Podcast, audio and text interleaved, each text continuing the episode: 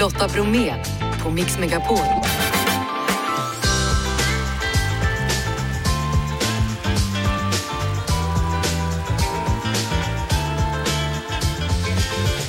Hallå där och varmt välkommen in till oss denna lill-lördag. I dagens onsdagsmix, regn, regn och åter nederbörd. SMHIs jourhavande meteorolog berättar var våren har tagit vägen någonstans. Mats Billmark berättar om hur du blir dig själv utan lyckopiller. Daniel Blomqvist, han tävlar i EM i banracing nästa vecka och då pratar vi inte vilken racing som helst. Och Samuel Fröler, han berättar om nya teaterföreställningen. Ikväll är det nämligen premiär. Är du redo Jeff? Jajamän. Janne! Lika taggad som Kronofogden! Härligt, då kör vi! Samuel Fröler, varmt välkommen till Mix Megapol. Tack så hjärtligt. Hur mår du? Eh, jag mår väl bra. Det är väl, jo, då, jag mår fint. Jag mår Ja. bra. Mm. Jag, jag, noterade när jag kom och mötte dig i, i receptionen att du inte satt nedsjunken i en mobiltelefon som många andra gör. Mm. Ja, precis. Mm. Är det medvetet val? Eh, ja, alltså, mm, ja, det är, alltså jag är inte med på några sociala medier överhuvudtaget så att jag har inte så mycket att titta på mer än nyhetsrapportering. Men nu sätter jag faktiskt och uh, memorerar lite text också. Hur gör man det? För du satt inte och läste i någonting utan då hade Nej, jag du... har, jag har det så gott som i huvudet så att det är väl mer bara att jag eh, försöker ta de svåra partierna och köra. Och det är bra att det är lite störningsmoment runt omkring också för då måste man fokusera ännu mer. Eh, ska vi ta fem snabba? Okej. Mm. Skärgårdsdoktor eller Strandhotellet? Um, skärgårdsdoktor för att det var eh, så uh, oerhört mycket mer runt omkring med alla miljöer och så. Men Strandhotellet är trevligt också. Vi har väldigt kul på Strandhotellet. Sex barn eller ett? Sex. Folkpensionär eller fortsätta jobba? Fortsätta jobba. Shrek eller insidan ut? Shrek. Tre kärlekar eller livvakterna? Tre kärlekar. Polotröja eller uniform? Polotröja. Fast den är väl samtidigt som en uniform, åtminstone om man är skärgårdsdoktor. Ja, det blev så. Vi köpte den på arbetarborden. Sen blev det bara att den behölls och eh, användes. Och det var ju liksom en stickad tjock polotröja. Om, om vi pratar om den nya pjäsen då, Vi gjorde vårt bästa, så spelar du pappan i familjen. Berätta lite om honom, vem är han? Ja, Lou heter han och eh, han är, jobbar då med biomedicin, han är forskare. Han sliter och är, älskar sitt jobb och får inte förlängt förordnande eh, på institutionen där han jobbar. Han förstår inte riktigt varför. Och sen dör deras hund och han blir enormt ledsen och tar honom väldigt hårt och så ska de då eh, åka och hämta en ny hund. Och det gör han då med sin dotter som bor i Los Angeles, själva bor i New Jersey. Så att det är någon slags roadtrip kan man säga, pjäsen från Los Angeles till New Jersey. Och den är ju då skriven pjäsen i, i liksom skuggan av, eller samtidigt som metoo. Eh, Och på vilket sätt är din huvudperson inblandad i metoo? jo, det finns en händelse i det fördolda, eller inte fördolda, men det har hänt en sak eh, som i perspektiv kan tolkas på olika sätt. I dagens så att säga, kontext blir då konsekvenserna får, eh, blir oerhört mycket mer dramatiska än vad det kanske var då när det hände. så att säga. Och det är det som är också intressant tycker jag, att här, här är alltså historien skrivits av en man så kanske man tänker, ja vad är det här är för slags försvarstal och sådär. Men nu är det en kvinna som har skrivit det och då blir det oerhört mycket mer intressantare. Var var du mitt i allt det här metoo som hände i Sverige? Med tystnad, tagning och så vidare i Ja. skådespelarvärlden. Ja, när det hände så försökte man ju naturligtvis eh, rannsaka sig själv. Har jag varit med och sådär? Eh, och jag, ja, jag kunde inte riktigt komma på. Däremot vet jag ju efterhand då, när det väl, eller när de sakerna hände, eh, har ju själv blivit utsatt. Men då tänkte jag att äh, det där var väl ingenting. Det är bara att gå vidare. Alltså inte göra en stor grej av det. Men sen när man tänkte tillbaka så var det ändå någonting alldeles uppenbart. Men jag själv har, har väl inte gjort någonting som skulle rendera någonting av det. Men vad blev du utsatt för? Nej, det behöver jag inte gå in på, men, men i mindre eller högre grad. Det var inte sådär kategoriskt eller kontinuerligt, det var inget sånt, utan det var en situation som uppstod. Ska det bli kul att stå på Playhouse teaterns scen? Absolut, det ska bli, ja kul, men eh, det ska bli, det, det är ganska mycket, du vet, det är jävla mycket som ska, man ska styra den här ångesten som dyker upp när man har premiär och eh, mycket text. Det, det är en ganska hög tempo och eh, intensivt är igång stort sett hela tiden. Så eh, Hur, hur gör du för att tygla den ångesten? Då? Jag, tycker, jag vet inte, Michael Caine sa någon gång, det finns tre saker som du ska koncentrera dig på. Först, lär dig texten. Sen, lär dig texten. Och tredje, lär dig texten. Och jag tycker det är ganska bra faktiskt. Lär dig texten. Så. Är det samma ångest när man spelar in tv eller spelar in film? Absolut inte, det är väldigt stor skillnad. Teater är ju mer grovarbete. Men ångesten är ju högre där för att det är ju live, publiken sitter där, de har betalt era pengar, fixat barnvakt så de vill ju verkligen ha det. Det är så skönt att göra både och, att du kan filma, för det film är också någon slags, även om det är intensivt och det är tejper och det är fokus och det ska mm. gå rätt och allt det där så är det ju, det är ju det är en annan skön känsla. Liksom. Det är Samuel Fröler som är dagens gäst och det kan ju alltid vara kul sådär att fundera tillbaka på hur man var som 6-7-åring. Hur var du? Eh, jag var nog ganska busig. Jag var yngst i en syskonskara på fem och eh, prästson, du vet, man bodde på landet. Och jag kommer ihåg när vi började skolan så var jag nog lite bråkig och eh, försöker nog sticka ut lite. Och, eh, jag vet att det hamnade en del slagsmål och sådana här saker. Sen flyttade jag när jag var tio år och då på något sätt lugnade det där ner sig väldigt mycket. Bodde ni i en prästgård då? Absolut, Riddartorp utanför Nybro, Mårdesjö. Följde du med då på söndagar till kyrkan? Uh, nej, det gjorde jag inte på det sättet. Jag gick i söndagsskola. Gjorde jag. Du växte upp med en, en bror som hade Downs syndrom. N när förstod du att han var annorlunda? Ingemar heter han. Ingemar, ja. Mm. Han lever inte längre.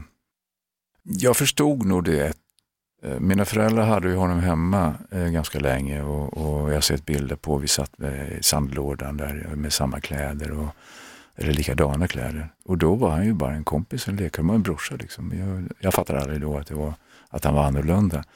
Men sen när de ville att han skulle få någon form av utbildning, för det fanns ju ingenting på den tiden. Då förstod jag liksom efterhand, och när kanske var då 6-7 och han blev äldre. Och då då kom han till istället och det var så eh, ganska bedrövligt och det, då, det påverkade mig väldigt mycket. Då förstod jag ganska brutalt att han var, han var annorlunda, han ville inte vara där. Och så. Han blev ett slags internat som man inte alls trivdes på. Du har sagt en sak som jag tycker så oerhört mycket om. Du har sagt att snällhet är underskattat. som en livsregel. Ja, jag tycker det. Att vara snäll, det, det är lite underskattat. Det är lite fult. Alltså det, det, det, är, det blir någon synonym med svaghet eller tafflighet eller mesighet, vilket det inte alls är. Utan snäll, det är ju en oerhörd generositet och det, bygger, det visar ju också på en styrka att du har, att du kan vara snäll. Och det, I den här världen vi lever i med polarisering och, och, konflikter så är ju snällhet en, en given nyckel till samförstånd och, och, och, samarbete. Hur mycket har det att göra med, med din uppväxt i en Jag tror det har familj. mycket att göra med mm. det, eller ja, mycket, men det har med det att göra, eller delvis i varje fall, det tror jag absolut. Och, och just att jag har haft Ingemar som min närmsta bror och jag har sett den utsattheten och, och den sårbarheten och eh, ja, det, det, finns liksom en, det är en tuff värld. Och nu ska du vara Lo då, i denna tuffa värld. Ja, mm. det ska jag vara. Vi gjorde vårt bästa. Det är en spännande pjäs du. Det känns som det. är en väldigt bra pjäs och det är, den är intensiv, den är, det är högt tryck hela tiden och eh, den är också väldigt vacker men också sorglig men också väldigt rolig. Och det är en twist i den som eh, förhoppningsvis ska eh, sätta sig hos den fina publiken som vi kommer få. Stort tack för att du kom till Mix Megapol, tack Samuel Fröler. Tackar, tackar. Lotta Bromé på Mix Megapol. Den här veckan så har ju i alla fall jag, Lotta Bromé, undrat när våren egentligen ska komma och jag är inte ensam om det. Jag pratade med Pia i Tyresö som ringde in till programmet häromdagen och frågade henne just hur mycket längtar du efter att våren ska vara här? Åh, det går inte att beskriva. Hörrni, det har ju regnat i stora delar av Sverige och i Stockholm så var det faktiskt den blötaste februaridagen på över 200 år i fredags och även i Västmanland, Uppland och Värmland slogs regnrekord de senaste dagarna. Eh, med oss nu Sofia Söderberg, jourhavande meteorolog på SMHI. Välkommen till Mix Megapol! Tack så mycket! Du, hur mycket kan det regna? ja, bevisligen rätt så mycket då också den här tiden på året. Och det är ju flera nederbördsområden som väntas nu också närmaste tiden här. Redan eh, natt mot torsdag här så har vi ett nytt nederbördsområde som rör sig in västerifrån över landet. Och sen vidare in under fredagen så är det en ny omgång med nederbörd som ska in från sydväst. Så att, ja, det är ju tidvis blött också nu framöver. Igår så talade jag med en dam i Trelleborg. Hon hade fått de första snödropparna. Vi lyssnar lite för det var så himla härligt att höra. Eh, jag har försökt med fusilager med snödroppar och vintergäck har vi. Det var så skönt att höra henne, eh, Sofia. När är våren på gång? tittar man på de stora dragen så ser det ut som att den kanske kan komma på sina håll i sydligaste delarna av landet. Så om vi liksom parar ihop snödropparna där hos henne i Trelleborg och den första tranan som har kommit till Hornborgasjön, då är det ändå lite vårtecken, eventuellt. Eh, nej, men det kan väl vara en personlig känsla också. Vi tittar ju på den här meteorologiska definitionen som bygger helt på temperatur. Så att eh, ja, man får väl välja det man tycker passar. Ja, hur är du som meteorolog? Vilket väder gillar du bäst? Jag gillar ju alla väder såklart och den här vintern kan jag ju tycka har varit tilltalande på det sättet att det även i södra delarna utav Sverige har varit snö och lagom med minusgrader som man kan, jag i alla fall kan personligen uppleva som trevligt. Mm. Men sen så är det väl egentligen så att eh, jag gillar sommar med sol. Men det beror lite på, jag gillar vårt årstidsbetonade väder ändå som vi har här i Sverige. Men klarar du av att ha semester utan att tänka på vädret? Men jag, nej, men jag gillar ju väder allmänt, generellt, privat också såklart. Så att det är, jag kan ju tycka att det är jättehärligt att sitta och följa molnutveckling på sommaren också, även om man är ledig. Så det är ju bara en, en bonus att man kan sitta och ha lite, kanske mer ingående kunskap om det. Då får vi se hur vädret blir här nu framöver då, men det är inte slut med regnandet ändå om jag har förstått dig rätt, Sofia Söderberg. Precis. Nina, nina, nina. I Sverige så äter en stor andel av befolkningen antidepressiva läkemedel men få pratar om biverkningar och nedtrappning. Mats Billmark är en av de som vill lyfta frågan och han har skrivit boken Bli dig själv igen. Välkommen till Mix Megapol. Tack så mycket. Ja, boken heter alltså Bli dig själv igen. Ja, men man blir ju inte riktigt sig själv igen när man äter de här medicinerna. Jag har ju ätit de här medicinerna i 23 år och försökt trappa ur dem vid tre tillfällen och det har inte gått så bra för jag har gjort det på ett felaktigt sätt och alldeles för snabbt sätt. Jag upplever att när man äter antidepressiva mediciner så blir man känslomässigt bedövad. Det är min erfarenhet och också den erfarenhet jag haft, jag har fått genom att intervjua en stor mängd människor som har ätit och som äter antidepressiva mediciner. Man känner att sånt som man tyckte var viktigt för känns inte lika viktigt när man går på de här medicinerna. Det finns också andra biverkningar som många känner är att eh, man tappar sexlusten. Det är väldigt, väldigt vanligt, eh, vanlig biverkning. Men kan det vara så att antidepressiva åtminstone är nödvändiga i någon fas av livet? Ja men så här, när de här medicinerna kom i slutet på 80-talet, då gick läkemedelsmyndigheter runt om i världen ut med och sa att de ska man äta under 3 till 6 månader. Det ska alltså vara en kur man äter. Problemet idag är ju att de här 1,2 miljonerna som äter antidepressiva mediciner i Sverige idag, över 700 000 har ätit dem i över 10 år. Och det är ju för att det är så jäkla svårt att sluta med dem. Så vad är det viktigaste att prata om vad gäller de här läkemedlen tycker du? Jag tycker att läkarna verkligen behöver vara mer försiktiga med att skriva ut dem. Framförallt ska man ju då prata med patienterna att när det har gått x antal månader att man ska försöka trappa ut dem. Tack så mycket för att du kom hit och delade med dig Mats Billmark och det går som sagt att läsa mer då i din nya bok som heter Bli dig själv igen. Tack så mycket. I vår förra timma då var skådespelaren Samuel Fröler gäst och jag undrade om han någonsin varit intresserad av Hollywood. Jag har varit över den några gånger i samband med, alltså för tiden när Goda Viljan, vi vann ju Guldpalmen i Cannes.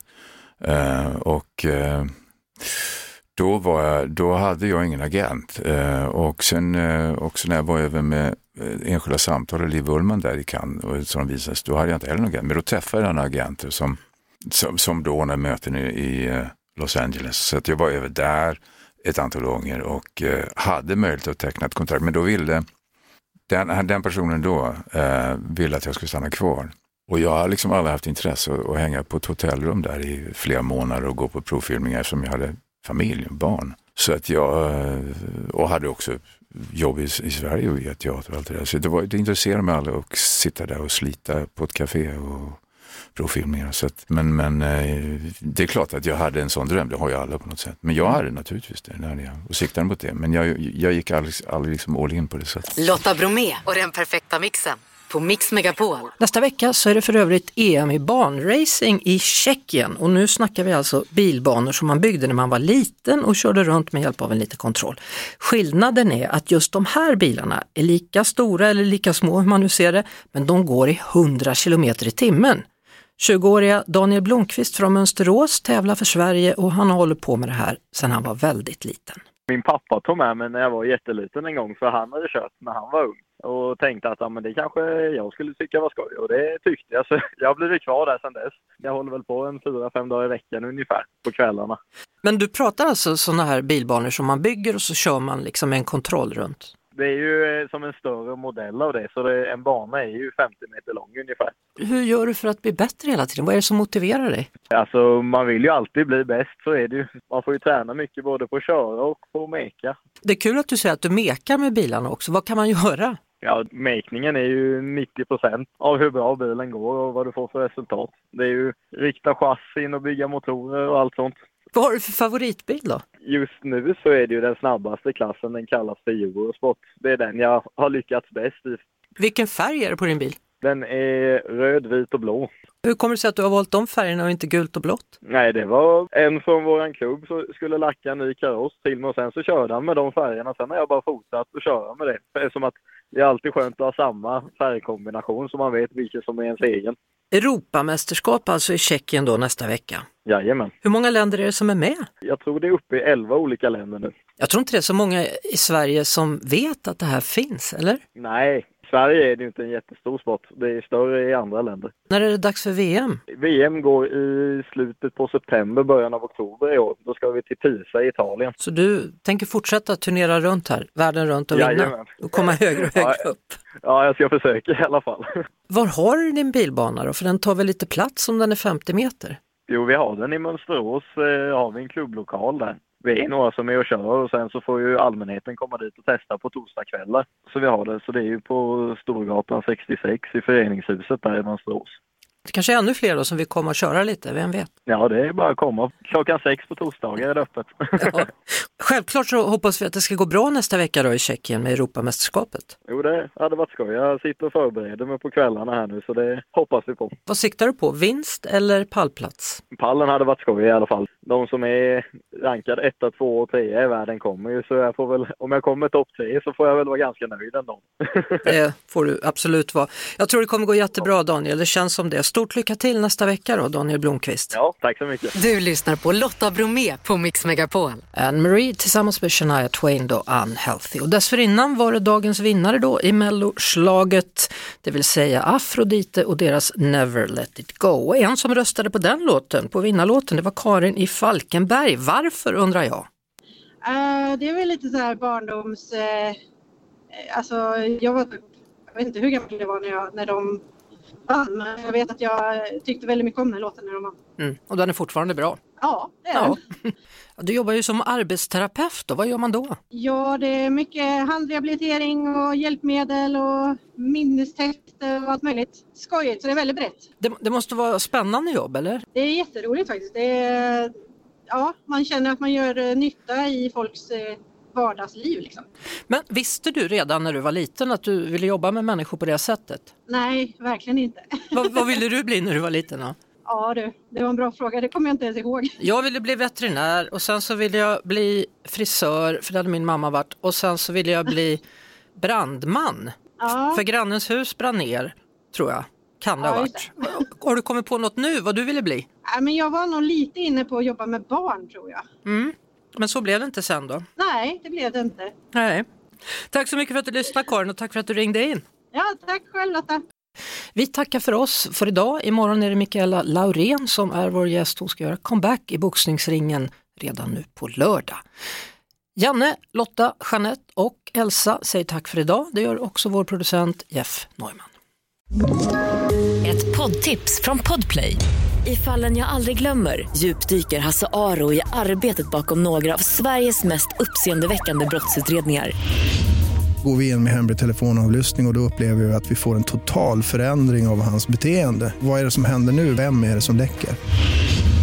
Och så säger han att jag är kriminell, jag har varit kriminell i hela mitt liv men att mörda ett barn, där går min gräns. Nya säsongen av Fallen jag aldrig glömmer på Podplay.